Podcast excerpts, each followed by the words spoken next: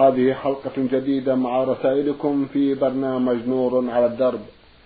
رسائلكم في هذه الحلقة نعرضها على سماحة الشيخ عبد العزيز بن عبد الله بن باز الرئيس العام لإدارات البحوث العلمية والإفتاء والدعوة والإرشاد. مع مطلع هذه الحلقة نرحب بسماحة الشيخ ونشكر له تفضله بإجابة السادة المستمعين. فأهلا وسهلا بالشيخ عبد العزيز. حياكم الله وبارك فيكم. حياكم الله. ما شاء الله. نعم. نعود في بداية هذه الحلقة إلى رسالة الأخت مشاعل الغامدي من الباحة. أختنا عرضنا جزءا من أسئلتها في حلقة مضت وفي هذه الحلقة تسأل وتقول أنا ولله الحمد محافظة على الصلاة ولا أزكي نفسي. ولكن تنتابني بعض الهواجس والتفكير في الصلاة. فهل تبطل الصلاة؟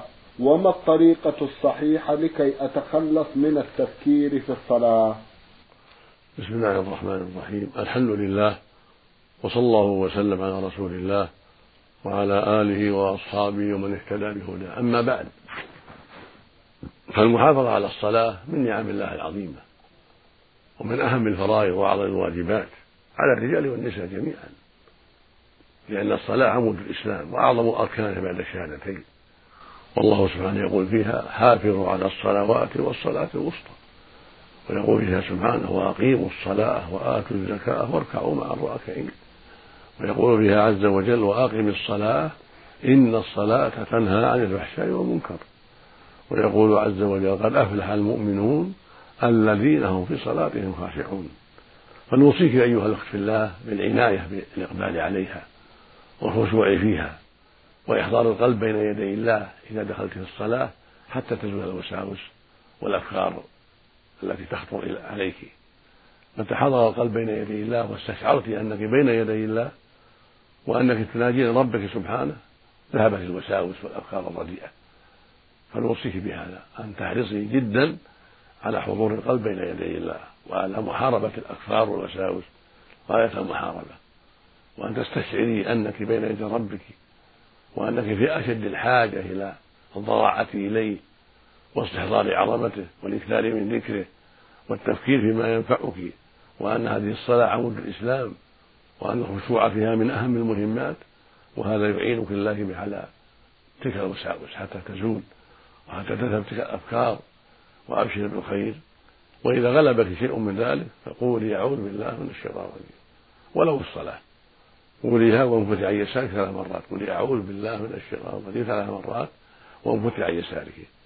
كما أمر النبي صلى الله عليه وسلم بعض أصحابه لما اشتكى إليه أن الوساوس تغلب عليه في الصلاة أمره يتعوذ بالله من الشيطان ثلاثا وأن ينفث عن يساره ثلاثا بذلك. أسأل الله لك التوفيق والهداية. نعم. جزاكم الله خيرا. أختنا تقول ما رأيكم في طريقتي التالية؟ أنا أختم القرآن عن طريق الصلاة.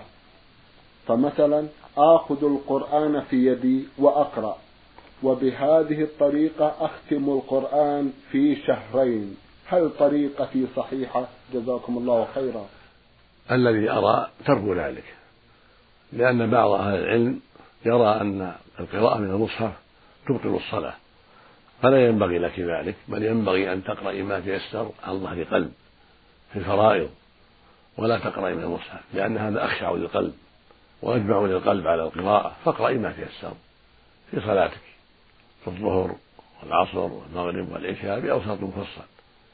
ويكون الظهر أطول مثل هل أتاك حديث غاشية اقرأ باسم ربك والسماء ذات البروج سبح اسم ربك الأعلى والفجر وما أشبه ذلك. ويكون الظهر أطول والمغرب يكون أقصر في الغالب وإذا طولت في المغرب بعض الأحيان فهو أفضل أيضا لأن الرسول لأن الرسول عليه الصلاة والسلام طول فيها بعض الأحيان وقصر عليه الصلاة والسلام. وفي الفجر يكون أطول من ذلك مثل قراءة عما يتساءلون هل على الإنسان المزمل المدثر قاف اقتربت الساعة في الفجر. لأن الرسول كان يطول فيها عليه الصلاة والسلام وكان يقرأ فيها بالستين المئة من الآيات وتقرأين عن ظهر قلب. وعليك أن تجتهدي في حفظ المفصل حتى تستعيني بذلك على القراءة. والمفصل أوله قاف فأوصيك أن تجتهدي في حفظ المفصل من قاف إلى آخر القرآن حتى تقرأي بهذا في صلاتك. وأما المصحف فالذي أوصيك به ترك ذلك إلا في التراويح وقيام رمضان إذا طولت فلا بأس أن تقرأي المصحف. كانت عائشة رضي الله عنها يصلي بها لولاها من المصحف في رمضان فلا بأس بذلك. أما الفرائض فأوصيك وأوصي غيرك أن تكون القراءة عن ظهر قلب مما يسر الله من القرآن. وأوصي الجميع بحفظ المفصل من قاف إلى آخره. أوصي الرجال والنساء والشباب والفتيات أوصي الجميع بحفظ المفصل على الأقل. لأنه يعين على القراءة في الصلاة ومن تيسر له حفظ أكثر من ذلك أو حفظ القرآن كله فهذا خير للأخير ونعمة عظيمة نعم جزاكم الله خيرا ما حكم الرجيم أي الامتناع عن الأكل خوفا من السمنة وللمحافظة على شكل الجسم علما بأن الرجيم لا يؤثر على الإنسان في صحته هكذا تقول لا لا أعلم بأسا بذلك والإنسان يعتني بأسباب السلامة من السمنة وخفة البدن حتى يرتاح من السمن وتعبه لا بأس بذلك بالطرق المباحة التي لا محذور فيها ولا مضرة فيها. نعم. هل الدبلة الخاتم الذي يقدمه الخاطب لمخطوبته حلال أم حرام مع الدليل؟ وهو وهل صحيح إنه فكرة نصرانية؟ لا أعلم له أصلا ولم يكن من عادة المسلمين والذي سمعنا أنه من عادة النصارى وأنه ورد إلى الناس من لبنان وغيره. فالذي أرى أن ترك ذلك هو الذي ينبغي هو أسلم وأبعد عن مشابهة الكفرة. ولم يبلغنا عن سلفنا الصالح أنهم كانوا يفعلون شيئا من ذلك. وإنما يخطب يخطب المرأة ثم يقدم ما تيسر من المهر ويكفي هذا. أما الدبلة والشبكة فلا لها أصل. نعم. جزاكم الله خيرا. أيضا نعود إلى رسالة المستمعة هدى أختنا تسأل في هذه الحلقة وتقول عندما أكون مذاكرة جدا ولكنني نسيت شيئا ما وحاولت سؤال صديقتي وكان ذلك في امتحان هل هذا يعتبر من الغش؟ الذي يظهر أن حال الامتحان ليس فيه سؤال. إذا كان الامتحان يمنع فيه السؤال من التلميذة لزميلتها والتلميذ لزميله فهو يكون الغش فيكون البحث والاجتهاد قبل ذلك قبل الحضور في قاعة الامتحان. أما في قاعة الامتحان فعلى الطالب والطالبة الالتزام بالتعليمات وليس لأحد منهم مخالفة التعليمات لأن المقصود معرفة ما لديهم من العلم والفضل والبصيرة والفقه. نعم. بارك الله فيكم. عندما أتذكر أنني صليت ذات مرة على غير وضوء هل أعيد تلك الصلاة؟ نعم. تجب الإعادة في إجماع المسلمين لقول النبي صلى الله عليه وسلم لا تقبل صلاة بغير طهور رواه مسلم في الصحيح. ولقوله صلى الله عليه وسلم لا تقبل صلاة أحد إذا أحدث حتى يتوضأ. متفق على صحته. نعم. هل يجوز الوتر بواحدة أم لا بد من الشفع؟ تكفي واحدة الوتر بواحدة لا بأس في أول الليل أو في وسطه أو في آخره ركعة واحدة. والأفضل يقرأ فيها الفاتحة وقل هو الله أحد. وإن قرأ الفاتحة وحدها أو معها غير قل هو الله أحد فلا بأس. لكن الأفضل أن يكون معها قل هو الله أحد. وإن زاد على واحدة صلى ثلاثا أو خمسا أو أكثر فهو أفضل. بارك الله نعم. بعض النساء عندما نقول لهن إن كشف الوجه لا يجوز, لا يجوز يقولن إن الرسول كان يجتمع بالنساء وكن يجاهدن في سبيل الله وكن يعالجن المرضى. ما هو توجيهكم؟ كان النساء في أول الإسلام وفي أول الهجرة مباح لهن كشف. مباح لهن كشف. ثم نزلت آية الحجاب. فكونهن يكشفن في المجتمعات كان أولا. تكشف عن وجهها ويديها. ثم إن الله سبحانه وتعالى أمر بالحجاب حماية للمرأة وصيانة لها عن الابتذال وعن الفتنة فتنة الرجال بها. فأنزل في هذا سبحانه وتعالى قوله تعالى وإذا سألتموهن متاعا فاسألوهن من وراء حجاب. ذلكم أطهر لقلوبكم وقلوبهن. وأنزل في هذا قوله تعالى ولا يبدين زينتهن إلا لبعولتهن أو آبائهن أو آباء بعولتهن والزينة هي المحاسن من شعر ووجه ويد وقدم وصد ونحو ذلك. فالواجب على النساء بعد نزول هذه الآيات هو الحجاب. والوجه أحسن الزينة. هو عنوان المرأة عنوان جمالها ودمامتها. فالواجب ستره عملا بهذه الآيات. وقد ثبت عن عائشة رضي الله تعالى عنها أنها لما سمعت صوت صفوان المعطل في غزوة الإفك لما تخلفت عن الغزو ورآها صفوان ثم معطل متخلفة استرجع إنا لله وإنا إليه راجعون. فلما سمعت صوته خمرت وجهها قالت وكان قد رآني قبل الحجاب. هكذا جاء في الصحيحين عن عائشة. فدل ذلك على أن المرأة كانت قبل الحجاب يرى وجهها. أما بعد الحجاب فقد منع من ذلك الرجل ولا يجوز أن يقال هذا خاص بأمهات المؤمنين فإنهن وغيرهن سواء في هذا ولم يرد ما يدل على التخصيص والأصل عدم التخصيص. ولهذا قال عز وجل في المؤمنات ولا يبدين زينتهن. وعمم ولم يقل أزواج النبي صلى الله عليه وسلم. فالحكم عام لجميع المؤمنين المؤمنات من أزواج النبي وغيرهم. ومن قال إنه خاص بهن فعليه الدليل. ولا دليل يخصهن بذلك. بل هو قول بغير علم وبغير حقيقة وبغير دليل. ثم عمل المسلمين على ذلك من عهده صلى الله عليه وسلم بعدما نزلت هذه الآيات على الحجاب وعدم سفور المرأة.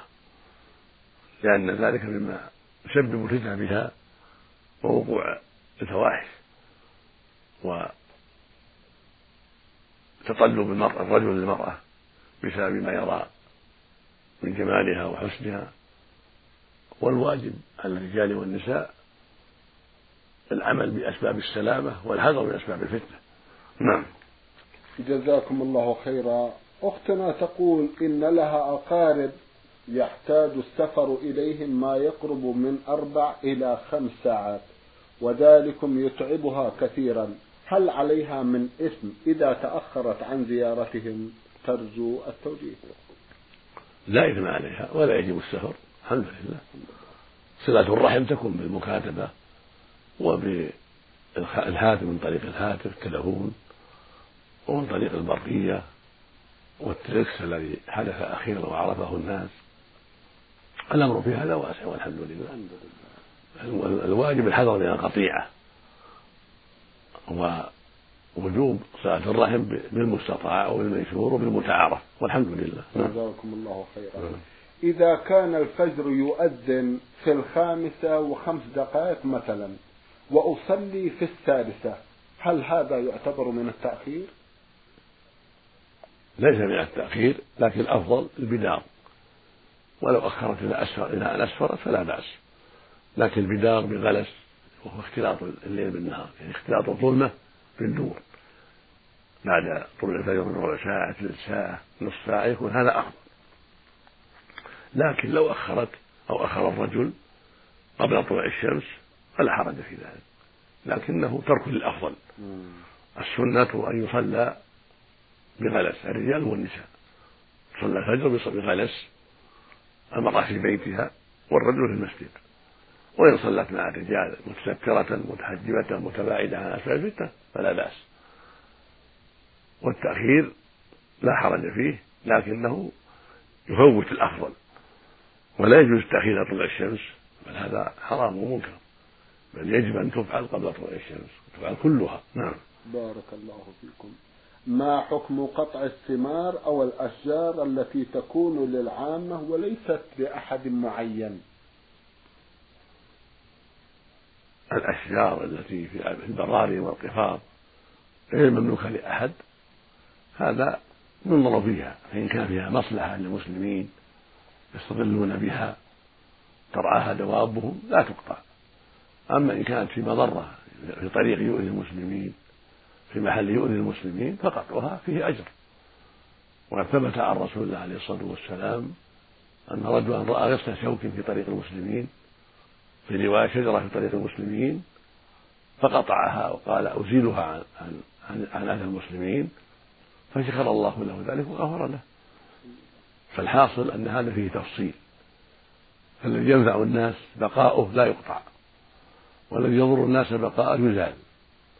والمملوك لا يزال إلا بإذن ربه إذا كان مملوك لا يزال إلا بإذن صاحبه وإذا كان يؤذي الناس يرجع فيه للمحكمه ولا يتجرأ الناس على ملك الناس إلا من طريق الشرع.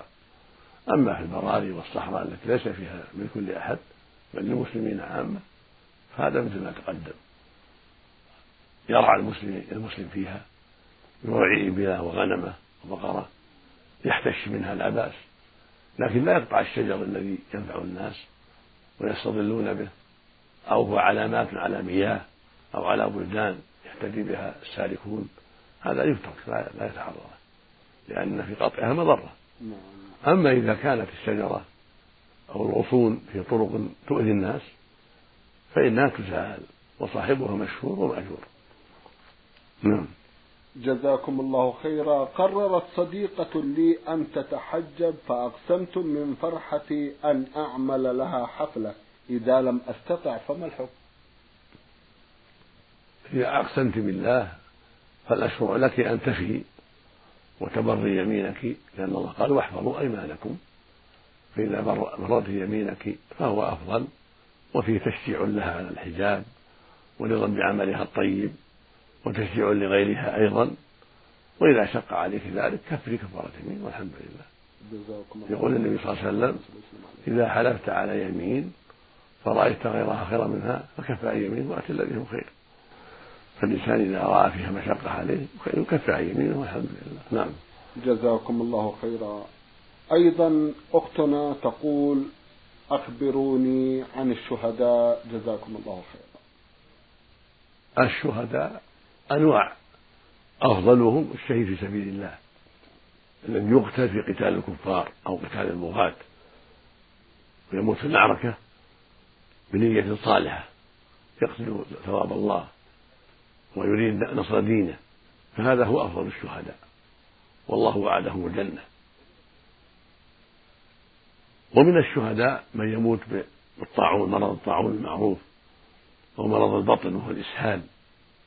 أو أو بالغرق أو بالهدم كل هذا كل هؤلاء من الشهداء كما قال النبي عليه الصلاة والسلام. نعم. رسالة وصلت إلى البرنامج من الهند وبعثها مجموعة من الإخوة من هناك. إخواننا يقولون نحن الطلبة المسلمين في البلاد غير الإسلامية تواجهنا مشكلة تحديد اليوم لرمضان. فنحن مثلا في الهند نصوم بعد سماع رؤية الشهر في السعودية أو إحدى الدول العربية. لكن سكان المسلمين وهم يمثلون نسبة لا بأس بها يصومون في يوم يختلف حسب رؤية الهلال عندهم دون دوران الأرض. نرجو أن توضحوا لنا علما بأن المسلمين في الهند يمثلون مئة مليون مسلم. جزاكم الله خيرا. على المسلمين في الهند وفي غير الهند أن يجتهدوا في ضبط دخول الشهر وخروجه وأن يكون لهم من يعتني بذلك كالمجالس الإسلامية أو المحاكم إن كان هناك محكمة إسلامية. تعنى بهذا الأمر. وتأمر من يلتمس الهلال حتى يطبقوا الأحاديث الصحيحة عن رسول الله عليه الصلاة والسلام.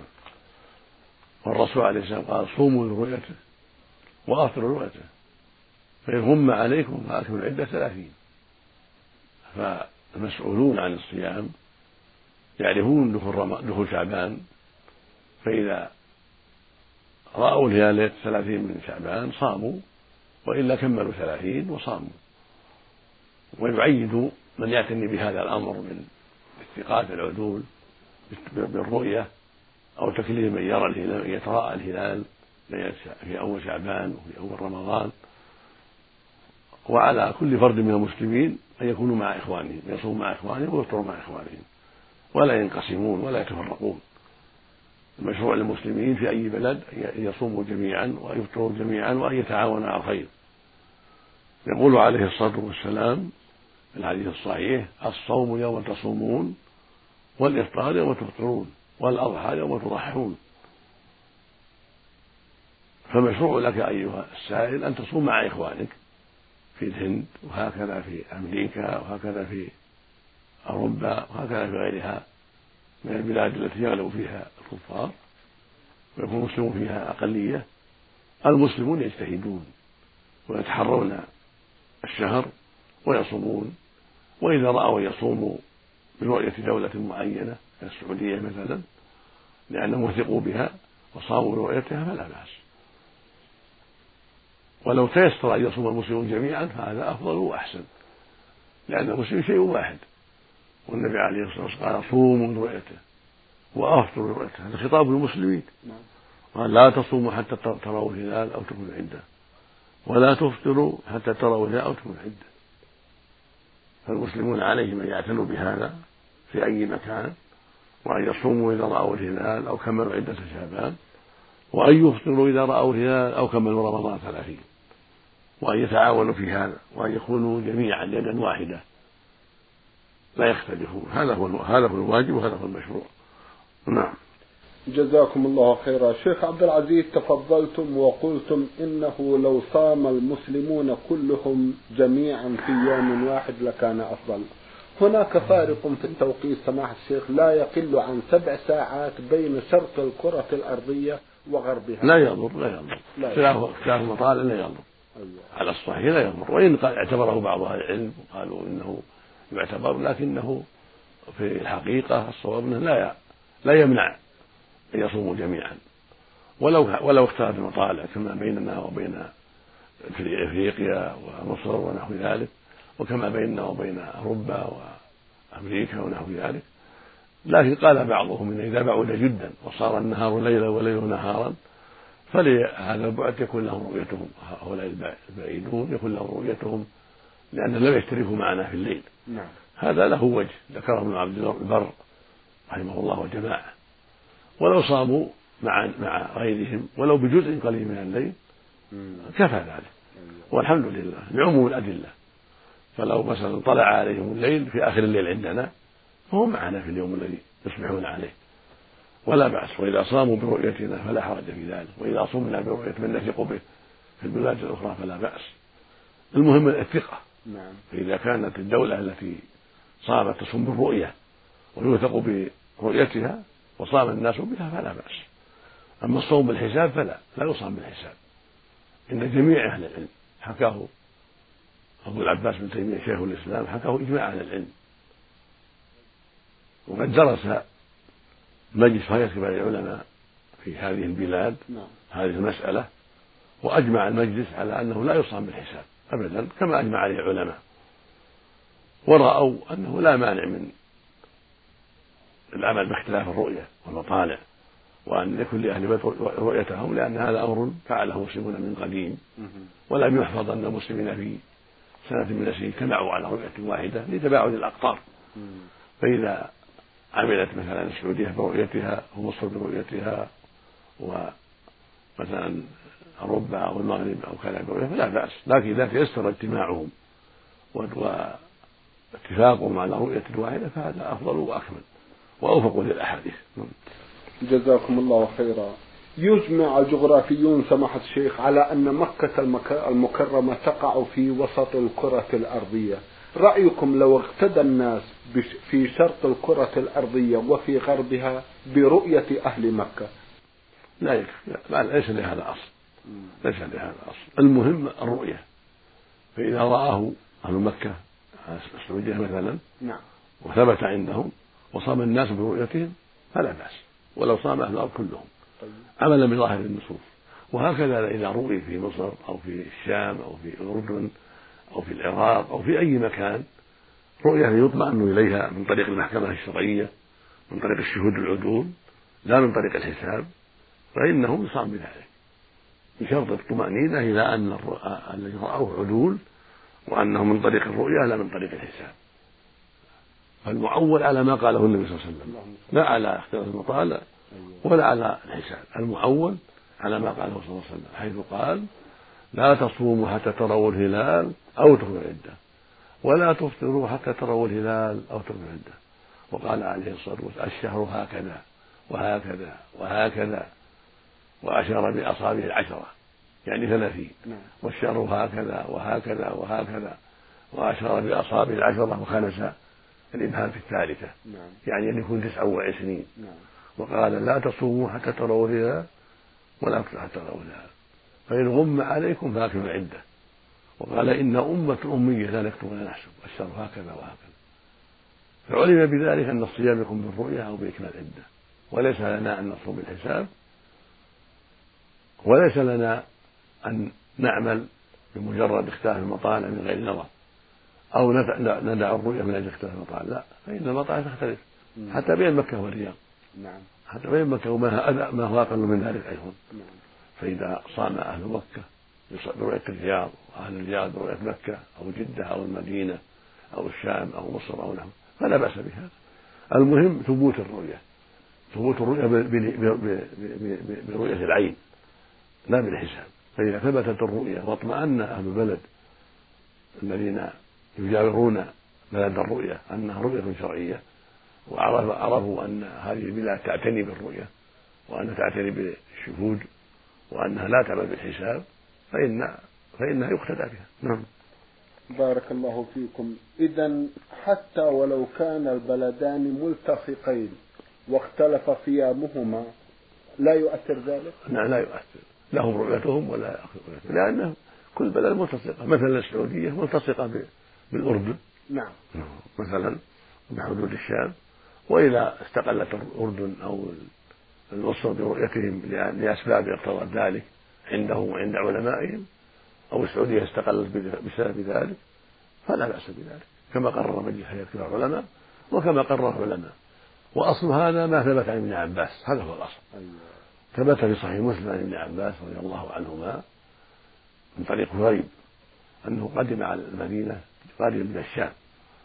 قال فأتيت ابن عباس فسألني عن رؤيته للشام. فقلت نعم. رأيناه بليلة الجمعة. وصمنا يوم الجمعة في الشام وصام معاوية وصام الناس. فقال ابن عباس نحن رأينا يوم السبت. فلا نزال نصوم حتى نرى الهلال أو نكمل العدة. فقال كريب أفلا تكتفي برؤية معاوية الناس؟ قال لا. هكذا أمرنا نبينا عليه الصلاة والسلام. يعني بقول اصوم رؤيته وأعطوا رؤيته فابن عباس تأولها على أنها لا تعم الناس بل تخص كل دولة وكل بلد بنفسها إذا تباعدت عن البلد الأخرى كبعد المدينة عن الشام ونحو ذلك. هذا فقه ابن عباس ورأيه وعمل به جماعة من العلم وقالوا لكل أهل بلد رؤيتهم إذا تباعدت البلاد بعض التباعد. بارك الله فيكم.